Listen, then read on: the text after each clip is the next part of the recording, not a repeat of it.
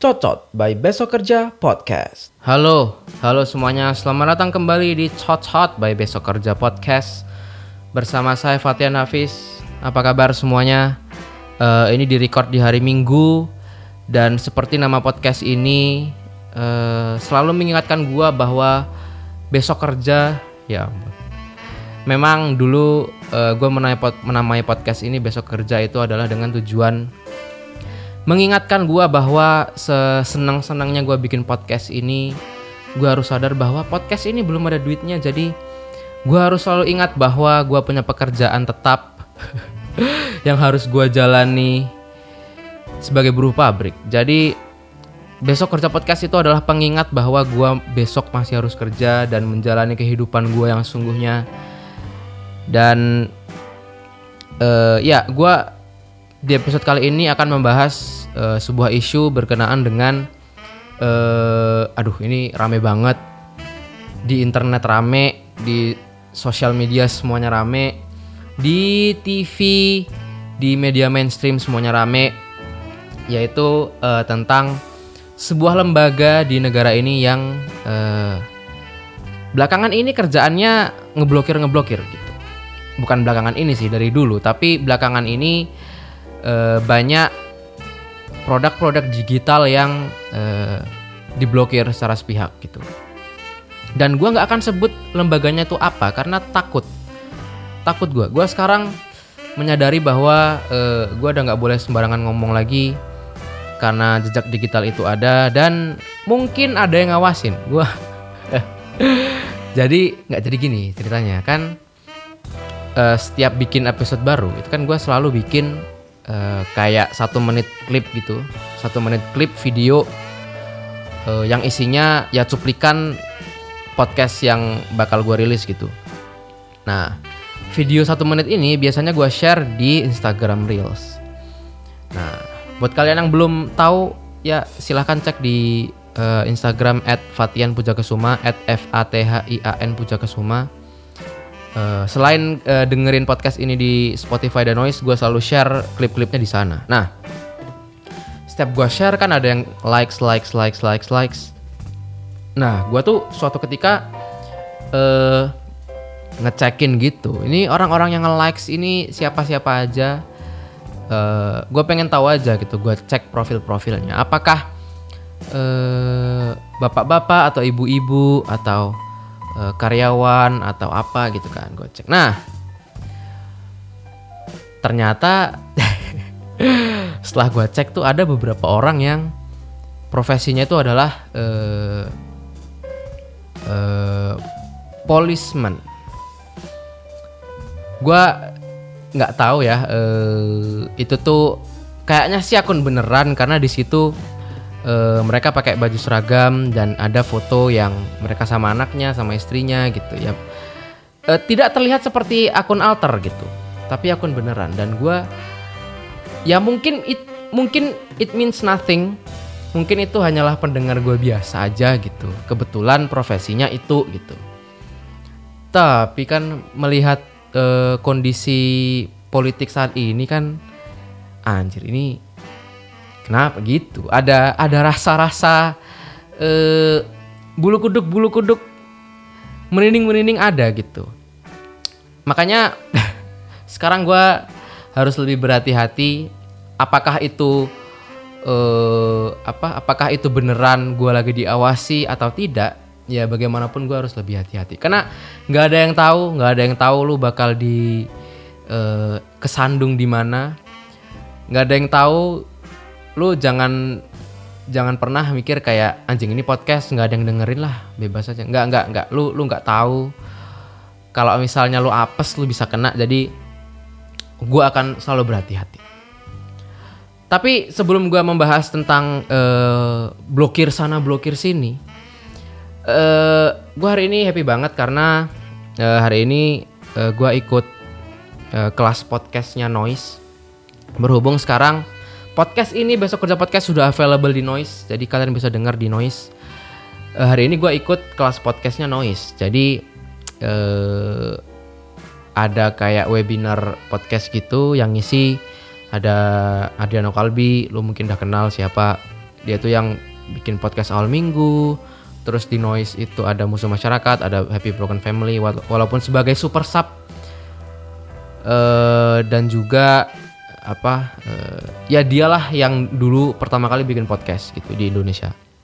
Terus ada juga eh, produser-produser noise, ada siapa tadi namanya? Mas Abe, ada Mas Thomas dan yang lain-lain gitu. Dan gue happy banget karena podcast ini terpilih menjadi podcast yang dibahas dan direview eh, dan dibedah langsung sama eh, produsernya noise gitu. Eh, jadi gue eh, happy. Kenapa? Karena ya itu itu bukan dreams come true. Gue gue tidak terpilih menjadi eh, original podcast noise atau podcast eksklusif. Tidak tidak. Tapi setidaknya ada yang nyadar bahwa podcast ini ada gitu maksudnya. Setidaknya eksistensi ini ada yang ngaku gitu. Ada yang mengakui lah setidaknya. Dan nggak tahu ya berarti kalau misalnya tadi podcast gue sempat direview dan sempat dibahas kemungkinan besar ada pendengar-pendengar baru di sini halo. Halo kalian semua yang baru pertama kali mendengarkan besok bisa podcast. Terima kasih sudah mampir. Eh, seperti yang tadi gue sempat share podcast ini adalah eh, sebetulnya adalah simply eh, sarana gue untuk eh, belajar ngomong aja. Karena gue buruh pabrik terus eh, dan gue tuh sangat apa ya eh, sangat engineering gitu sangat technical. Jadi memang sulit orang-orang seperti gue untuk bisa berkomunikasi eh, dengan normal dan lancar kepada orang gitu. Karena susah makanya gue bikin podcast ini. Nah terus karena waktu yang terbatas gue harus berangkat jam 6 pagi dan pulang udah malam segala macem. Gue nggak nggak punya banyak waktu buat nyari narasumber gue nggak punya banyak waktu buat apa namanya ya buat bikin skrip yang rumit dan apa segala macam bikin konsep bla bla bla bla gue perlu sesuatu yang simple yang bisa bikin gue selalu konsisten karena musuh konsistensi adalah complexity semakin rumit semakin susah konsisten semakin simple semakin mudah. Makanya gue pilih eh, untuk ngebahas isu-isu yang terkini yang mana gue bisa langsung eh, ya ngebacot aja gitu. Secara langsung tanpa harus bikin materi dan apa gue begitu baca berita set gue langsung tahu oh gue mau ngomongin ini ini ini dan gue langsung bisa take gitu. Walaupun podcast ini sebetulnya ada beberapa, beberapa segmen ada tiga segmen. Eh, segmen pertama cocot yang sedang eh, lu semua dengerin sekarang. Eh, yang ngebahas isu-isu terkini. Kemudian ada segmen kedua bahas film. Isinya ya gue ngebahas tentang film-film tentang seri-series dan juga eh, segmen ketiga namanya Poop Talks yaitu segmen yang ngebahas ngebahas apa aja yang gue pengen bahas. Walaupun itu eh, sedang apa ya sedang eh, nggak ada nggak ada apa-apa aja gitu. Nggak ada isu yang related ke situ dan apa tapi gue pengen ngebahas itu aja. Tapi setelah dilihat secara statistik ternyata segmen cocot ini yang paling rame yang paling banyak pendengarnya. Dan secara dari pembuat podcastnya gue sendiri gue jauh lebih enjoy untuk bikin segmen ini karena gampang gitu.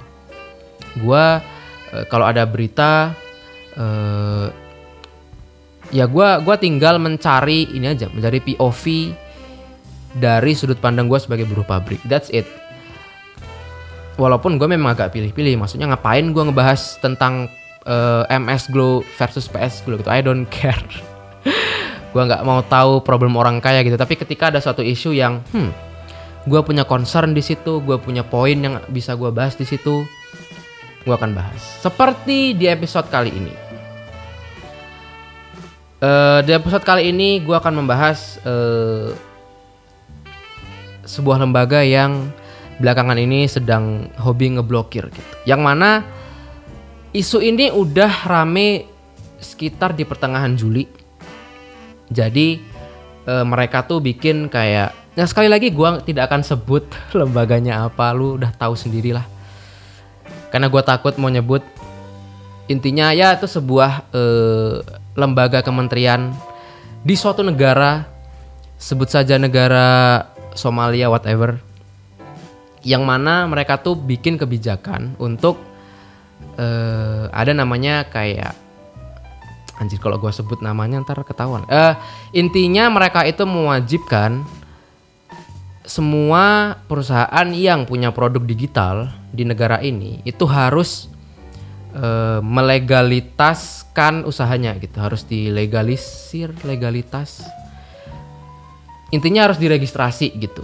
Mereka harus terregistrasi di sistem eh, kementerian untuk sebagai izin mereka beroperasi secara legal intinya gitu. Kemarin sudah banyak yang terancam, Google diancam ditutup, WhatsApp diancam ditutup, Twitter, Facebook, Instagram semua diancam ditutup. Nah begitu gua dulu pengen ngebahas ini, tiba-tiba semua perusahaan ini mendaftarkan diri, semuanya ngalah, semuanya daftar dan jadinya, oh oke. Okay. Walaupun gua tidak bisa membayangkan kalau WhatsApp diblokir nanti grup kementerian itu mau diskusi di mana gue juga nggak tahu. Gue heran itu tuh ketika kebijakan itu dibuat emang di grup WA emang nggak ada yang ribut apa kayak anjir pak ini kalau ini ditutup terus ini grup ini gimana? Gimana? Pindah ke telegram ya ampun. Dan iya waktu itu akhirnya semua perusahaan daftar daftar daftar dan isunya hilang begitu saja karena ya akhirnya perusahaan-perusahaan yang diancam ditutup itu akhirnya diregistrasi gitu. Nah, nah, nah, nah. Belakangan ini lebih tepatnya kemarin itu tuh rame lagi kenapa? Karena tiba-tiba eh gua malah taunya bukan dari media tapi pertama dari teman-teman gua. Jadi mereka bikin ya ada yang bikin story, ada yang bikin tweet, ada yang bikin postingan whatever. Mereka tuh marah-marah karena eh, Steam diblokir. Steam diblokir, PayPal diblokir. Steam kan tempat teman-teman main game online. Walaupun eh, gua bukan gamers, gua nggak peduli sebetulnya ini mau diblokir mau apa. Gua gua lebih ke movie person ketimbang gamers bukan karena apa-apa tapi emang nggak ada waktunya dan laptop nggak kuat jadi mau gimana tapi intinya teman-teman gue pada ngamuk di apa di sosial media bahwa Steam diblokir. Dan beberapa teman-teman gue yang punya usaha yang mana transaksi pembayaran apa segala macam itu dilakukan lewat PayPal tiba-tiba PayPal ditutup. Jadi e, mereka nggak bisa tuh e, apa namanya nggak bisa lancar lah melakukan transaksi. Karena mau gimana kalau ditutup? Nah, sebelum kita bahas lebih jauh, mending kita baca beritanya dulu. Pertama kita baca berita dulu dari dari dari CNN Indonesia. Pasti kredibel dong CNN Indonesia. Minggu 31 Juli 2022 jam 8 pagi. Publik kecewa pemblokiran PSE. Bla bla bla, lembaga tadi janji buka dengan syarat. Ramai keluhan warga R terkait pemblokiran beberapa platform penting terkait penyelenggaraan sistem yang berdampak ekonomi. Pemerintah sendiri mengaku bakal membuka akses. Apa syaratnya? Ya ampun. Ungkapan kekecewaan sekaligus nyinyir itu bisa terbaca dari lini masa Twitter saat tak bisa menggunakan platform favoritnya, termasuk layanan pembayaran PayPal hingga game online Dota sejak Sabtu dini hari. Dota sendiri diakui warganet tak sekedar permainan buang-buang waktu. Banyak pihak yang mencari nafkah di dalamnya termasuk streamer, pro player ya. Benar, benar, benar. Alhasil kata kunci hashtag blokir koh koh min menjadi trending nomor satu per minggu. PayPal menjadi yang kedua dengan 184 ribu kicauan dan Steam yang ketiga dengan 198 ribu tweet. Ya ampun. Bla bla bla bla bla bla. Direktur Jenderal Aplikasi Informatika Kementerian bla bla bla bla lantas menetapkan tenggat pendaftaran sebelum blokir ilegal pada Jumat ya. Pendaftaran ini tertuang dalam Peraturan Pemerintah Nomor 71 Tahun 2019 tentang penyelenggara sistem serta Peraturan Menteri Nomor 5 Tahun 2020 tentang penyelenggara sistem bla bla bla lingkup privat. Nah, nah, nah, nah, nah, nah, nah, nah, nah, nah, nah, nah. Oke. Nah, jadi eh, cukup jelas ya bahwa per hari Sabtu itu Steam dan PayPal diblokir.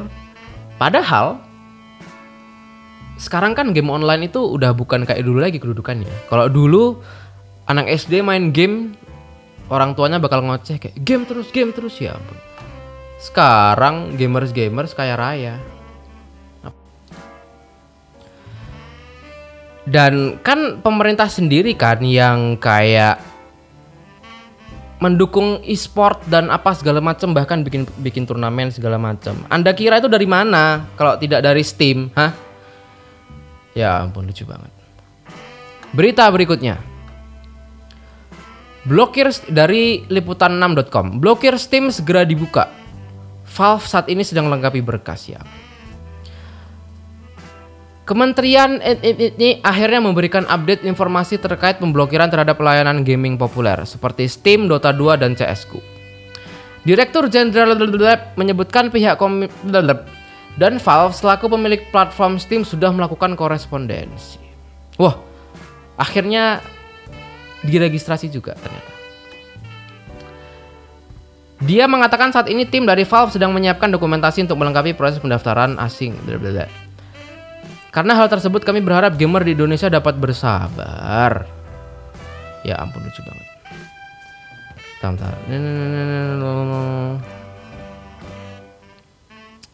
Sebelumnya Asosiasi Game Indonesia ah tidak pun mengimbau para pelaku industri game swasta sebagai untuk segera mendaftarkan diri.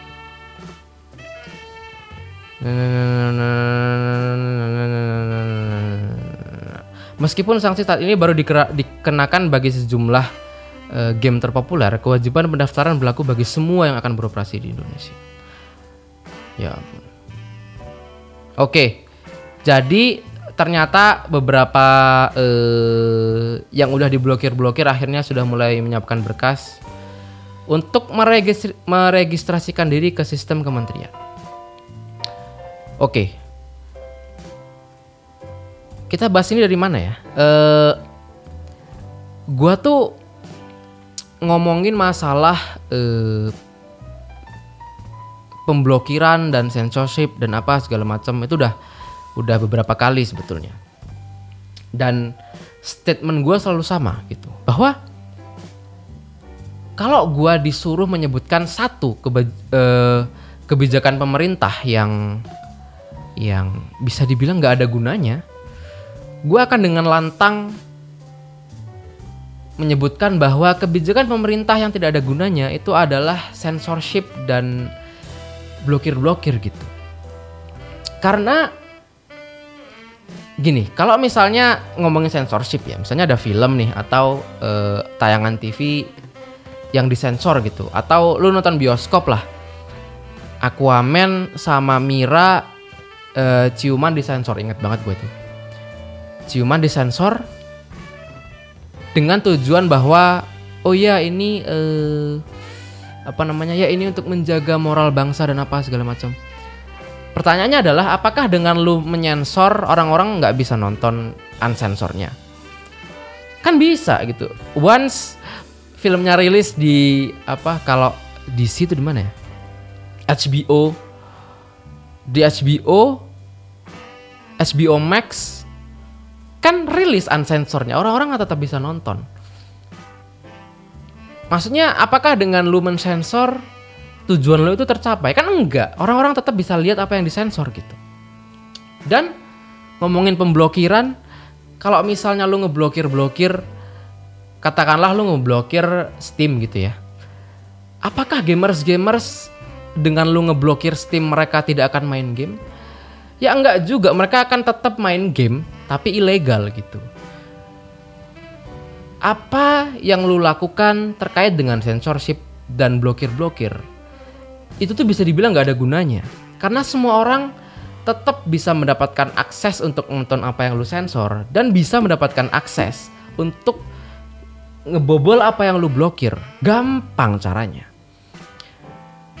Situs bokep misalnya. Ini situs bokep udah diblokir dari dulu. Tapi apakah masyarakat nggak bisa ngebokep bisa-bisa aja gitu gue tahu temen gue yang bisa nonton bokep hanya dengan single klik jadi ini situs diblokir terus dia ngeklik satu icon di browsernya dia dan semuanya langsung jadi hilang semua gue nggak tahu itu ngubah apa apakah ngubah VPN atau ngubah DNS atau ngubah IP I don't know Tapi itu dengan satu klik itu dia akan bisa membuka semua situs yang diblokir di negara ini gitu. Maksudnya semua effort yang lu lakukan, semua duit yang lu keluarkan dan itu duit gua ngomong-ngomong untuk lu akhirnya ngeblokir sana ngeblokir sini itu tuh nggak ada gunanya karena orang-orang akan tetap bisa akses dan menemukan cara untuk bisa ngakses semua yang lu blokir gitu.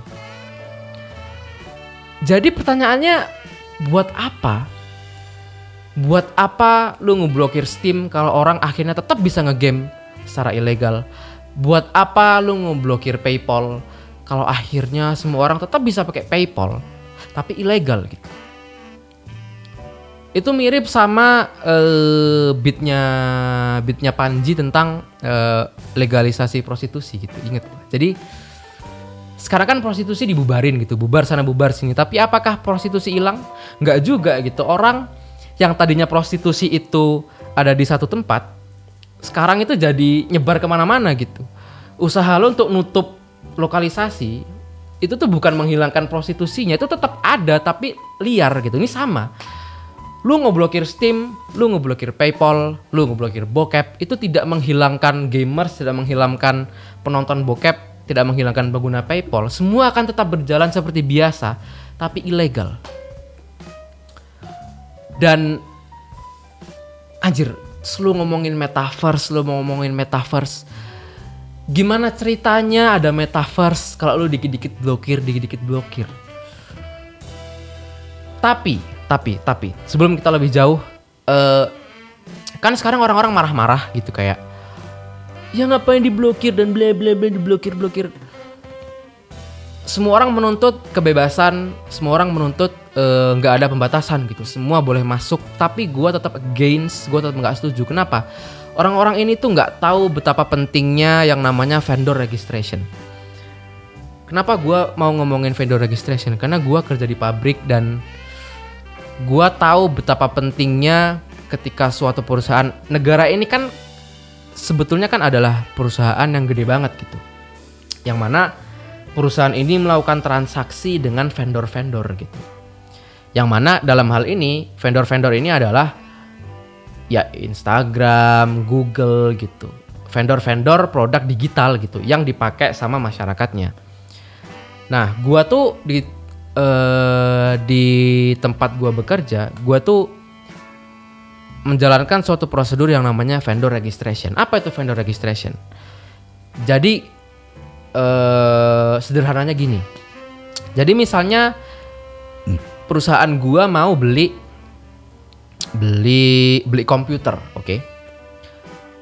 Gua nggak bisa sembarangan beli di Tokopedia atau di toko komputer terus barangnya gue datengin dan gue suruh perusahaan gue bayarin nggak bisa tapi gue harus mencari vendor oke okay, vendor resmi untuk gue beli komputer dan sebelum gue beli ke vendor itu vendor itu harus gue daftarkan ke perusahaan gue dan untuk mendaftarkan diri ke perusahaan gue vendor itu harus melaporkan macam-macam gitu mereka harus laporin izin ini izin itu uh, mereka harus ngisi Eh, surat-surat uh, ini, surat-surat itu, dokumen ini, dokumen itu, dan yang mana nanti semua dokumen itu akan dievaluasi oleh perusahaan gua untuk menentukan bahwa lu boleh ngejual barang ke gua atau tidak.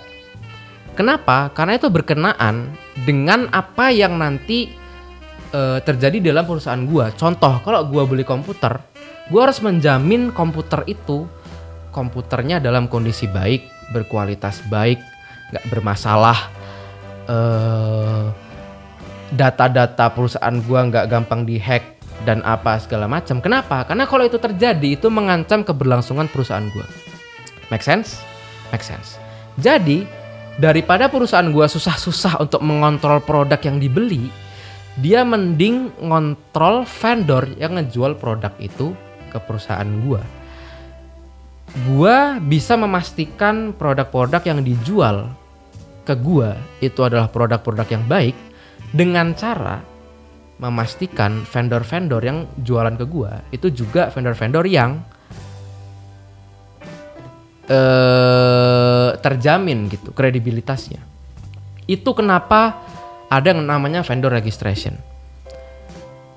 dan gua paham itulah yang terjadi di negara ini gitu. Kementerian ini ingin eh, mendaftarkan vendor-vendor digital ini untuk akhirnya bisa beroperasi di negara ini gitu.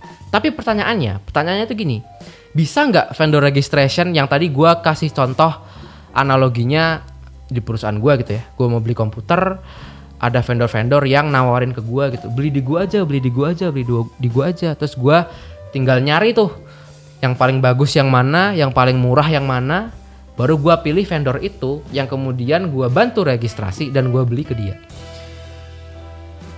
Sulitnya adalah kalau tadi gua beli komputer, komputer kan barang general, gua katakanlah ada satu vendor yang nggak memenuhi syarat, gue bisa cari vendor lain yang memenuhi syarat gitu.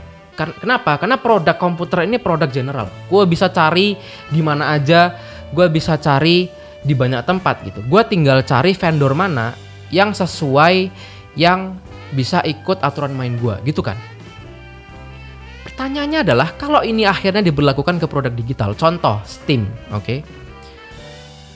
Kita punya banyak apa namanya punya banyak orang yang berbisnis di situ, punya banyak orang yang nyari uang di situ, punya banyak orang yang entrepreneur di bidang game gitu ya, yang mana mereka bergantung kepada Steam, pembayarannya mereka bergantung kepada PayPal.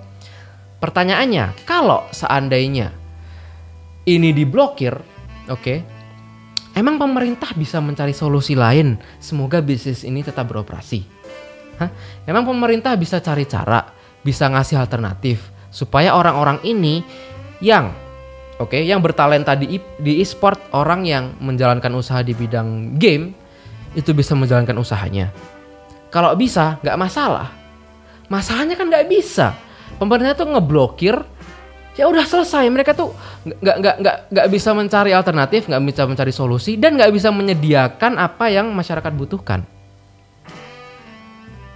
masa nanti PayPal diganti sama ya gue mau nyebut produk ini. E-wallet yang warnanya merah tau nggak lo? E-wallet yang keluarannya perusahaan dalam negeri.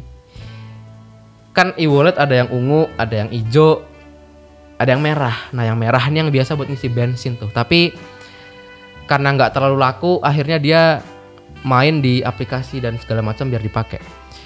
Tapi kan ini nggak bisa melakukan pembayaran internasional gitu. Maksudnya batasannya banyak jadi pemerintah itu nggak bisa ngasih replacement nggak bisa ngasih alternatif untuk sesuatu yang dia blokir. Itu masalahnya. Jadi terus apa? Ngeblokir satu seperti yang gue bilang di awal tadi ngeblokir tidak menyelesaikan solusi. Karena orang akan tetap nyari cara buat ngebobol. Aduh sistemnya pemerintah itu gampang banget dibobol. Gue nggak perlu ngasih tahu contoh-contohnya contoh-contohnya situs apa yang dihack data-data apa yang kesebar gue nggak perlu ngasih contoh lu cari sendiri di berita. Jadi aduh gue gue bertanya-tanya kapan pemerintah ini sadar bahwa apa yang mereka lakukan itu satu nggak ada gunanya dua nggak nyelesain masalah gitu. Jadi menurut gua kalau dia ngomongin vendor registration dan apa, selagi mereka nggak bisa nyari alternatif, nggak bisa nyari solusi, ya udah, lu nyadar aja bahwa lu tuh negara berkembang, lu belum bisa menyediakan eh, produk teknologi yang bisa mengikuti zaman, lu nggak bisa keep up sama eh, kemajuan teknologi di dunia ini, ya udah lu ngalah gitu, karena lu sebagai pengguna. Terus mau apa lagi gitu? Lu nggak lu nggak bisa maksain gitu untuk blokir sana dan, dan blokir ini segala macam. Kenapa? Karena lu belum ada di situ levelnya. Dan sebetulnya terbaca ya kenapa banyak eh, kebijakan pemerintah yang tidak tepat guna, tidak sesuai, tidak menyelesaikan solusi dan tidak tepat gitu. Kenapa banyak kebijakan pemerintah yang eh gue menyebut ini tapi tak ya pokoknya banyak kebijakan pe- pemerintah yang nyebelin gitu. Karena orang yang in charge orang yang punya kebijakan orang yang memimpin itu bukan orang yang berkompeten di bidangnya. Orang yang jadi pemimpin lembaga orang yang jadi pemimpin kementerian bukan orang yang paham bagaimana sistem itu bekerja dan bagaimana eh, kebijakan itu akhirnya dibuat untuk kepentingan masyarakat banyak gitu. Dia nggak tahu karena bukan orang yang kompeten di bidangnya. Terus apa yang lo harapkan? Wajar kalau kebijakan yang dikeluarkan itu tolol. Wajar kalau kebijakan yang dikeluarkan itu aneh-aneh gitu. Karena dia nggak tahu, dia nggak tahu harus gimana. Itu bukan bidangnya dia. Gue udah pernah ngomongin ini di episode yang lalu gitu. Banyak kementerian yang dipimpin oleh orang-orang yang tidak kompeten karena mereka ditaruh di situ. Itu tuh dengan agenda yang lain gitu. Bisa untuk kepentingan politik, bisa untuk kepentingan apa. Bahkan gue ngasih contoh, sebutkan satu menteri yang dipilih dari promosi gitu. Kalau promosi kan dia ada tuh, ada jenjangnya dan dia pengalaman tuh dia dari bawah promosi ke atas promosi ke atas sampai jadi menteri Pak Basuki gue ngasih contoh tapi ke kementerian lain emang kayak gitu. Kementerian yang akhirnya sekarang di boykot orang banyak lu lihat gitu. Siapa yang mimpin? Apakah dia orang yang kompeten? Kan enggak. Jadi apa yang lu harapkan gitu? Salah kita juga mengharapkan sesuatu ke orang yang salah gitu karena bukan dia orang yang tepat yang ada di situ gue cuman kasihan sama orang-orang yang kerja jadi PNS di kementerian itu gitu. PNS tuh ngomong-ngomong pegawai negeri Somalia jadi bukan pegawai negeri di negara lain tapi pegawai negeri Somalia. Gue tuh kasihan gitu. Emang lu betah kerja di suatu lembaga dengan atasan yang nggak ngerti apa-apa emang lu betah emang lu nggak makan hati gitu. Kerja di suatu lembaga yang atasan lu nggak kompeten gitu bikin kebijakan yang aneh-aneh dan lu harus jadi yes man gitu. Lu harus siapa siapa gitu. Besok WA diblok ya ampun. WA diblokir terus lu mau gimana? Lu mau koordinasi via apa? Lu mau grup grup ini terus mau dibubarin? Ya ampun. Steam diblok aduh nggak tahu ya. Gue tuh menunggu waktu di mana akhirnya pemerintah ini sadar bahwa ini tuh bukan bukan solusi gitu. Lu ngeblokir situs bokep untuk menjaga moral bangsa yang ada lu tuh ngebiarin anak-anak ini nyari sumber bokep tanpa bisa lu awasi gitu karena mereka akan menemukan cara untuk nonton bokep gitu kan tujuan lu nggak tercapai akhirnya gitu. Ya kayak gini aja deh lu lu dibilang jangan mikirin gajah juga lu bakal mikir gajah kan. Maksudnya mending lu diem aja gitu lu nggak usah ngeblokir. Karena semakin itu diblokir semakin orang pengen lihat. Semakin semakin besar effort lu semakin banyak duit yang lu keluarkan. Dan itu duit gua juga untuk ngeblokir ngeblokir orang-orang semakin pengen lihat bukan semakin ingin menjauhi gitu. Dan orang selalu menemukan cara untuk bisa lihat itu. Jadi please stop. Please stop doing this. Gue tahu uh, lu uh, seperti yang gue bilang tadi lu melakukan vendor registration untuk produk-produk digital tapi selama produk digital itu masih one of a kind yang mana lu nggak bisa memberi alternatif lu nggak bisa ngasih solusi lu nggak bisa apa ya? Ya memberi jalan lain untuk orang-orang bisa pakai produk digital yang similar atau yang sama. Ya gimana gitu? Karena teknologi ini berjalan hidup ini berjalan dan kita belum bisa keep up itu faktanya. Jadi ya mau gimana? Selain lu ngalah dan ya lu siapin. Kalau misalnya lu mau ngeblokir mereka ya lu siapin gantinya apa gitu. Yang secara kualitas sama atau lebih baik gitu dong. Baru lu bisa ngeblokir gitu. Dan anjir gue lucu banget. Baca berita akhirnya kan PayPal dibuka lagi. Dibuka lagi tapi kalau nggak salah cuma beberapa hari buat orang-orang naik uangnya narik uangnya. Dan juga gue baca berita lucu banget dari narasi kalau nggak salah. Jadi ini kan kementerian ini kan blokir blokir ya. Tapi akhirnya ketahuan bahwa ternyata pemerintah apa ke, lembaga ini itu sedang make jasa hosting-hosting atau eh, produk-produk digital yang itu tuh bahkan belum terdaftar juga. Jadi mereka mereka sekarang lagi make produk-produk yang belum terregistrasi juga. Jadi sama, sama aja. Jadi kalau ini ini mereka ngeblokir eh apa namanya produk-produk itu, ya sistem mereka shutdown juga sama aja. Jadi ya udah, ya udah. Jadi up dan terima aja situasinya gitu. Bahwa negara ini memang belum bisa keep up dan masih butuh sama produk-produk ini gitu. Jadi instead of blokir-blokir ya mending Anda muhasabah diri aja gitu. Dan ya evaluasi apakah eh, lembaga Anda itu isinya orang-orang yang kompeten yang bisa memberi kebijakan yang benar atau tidak.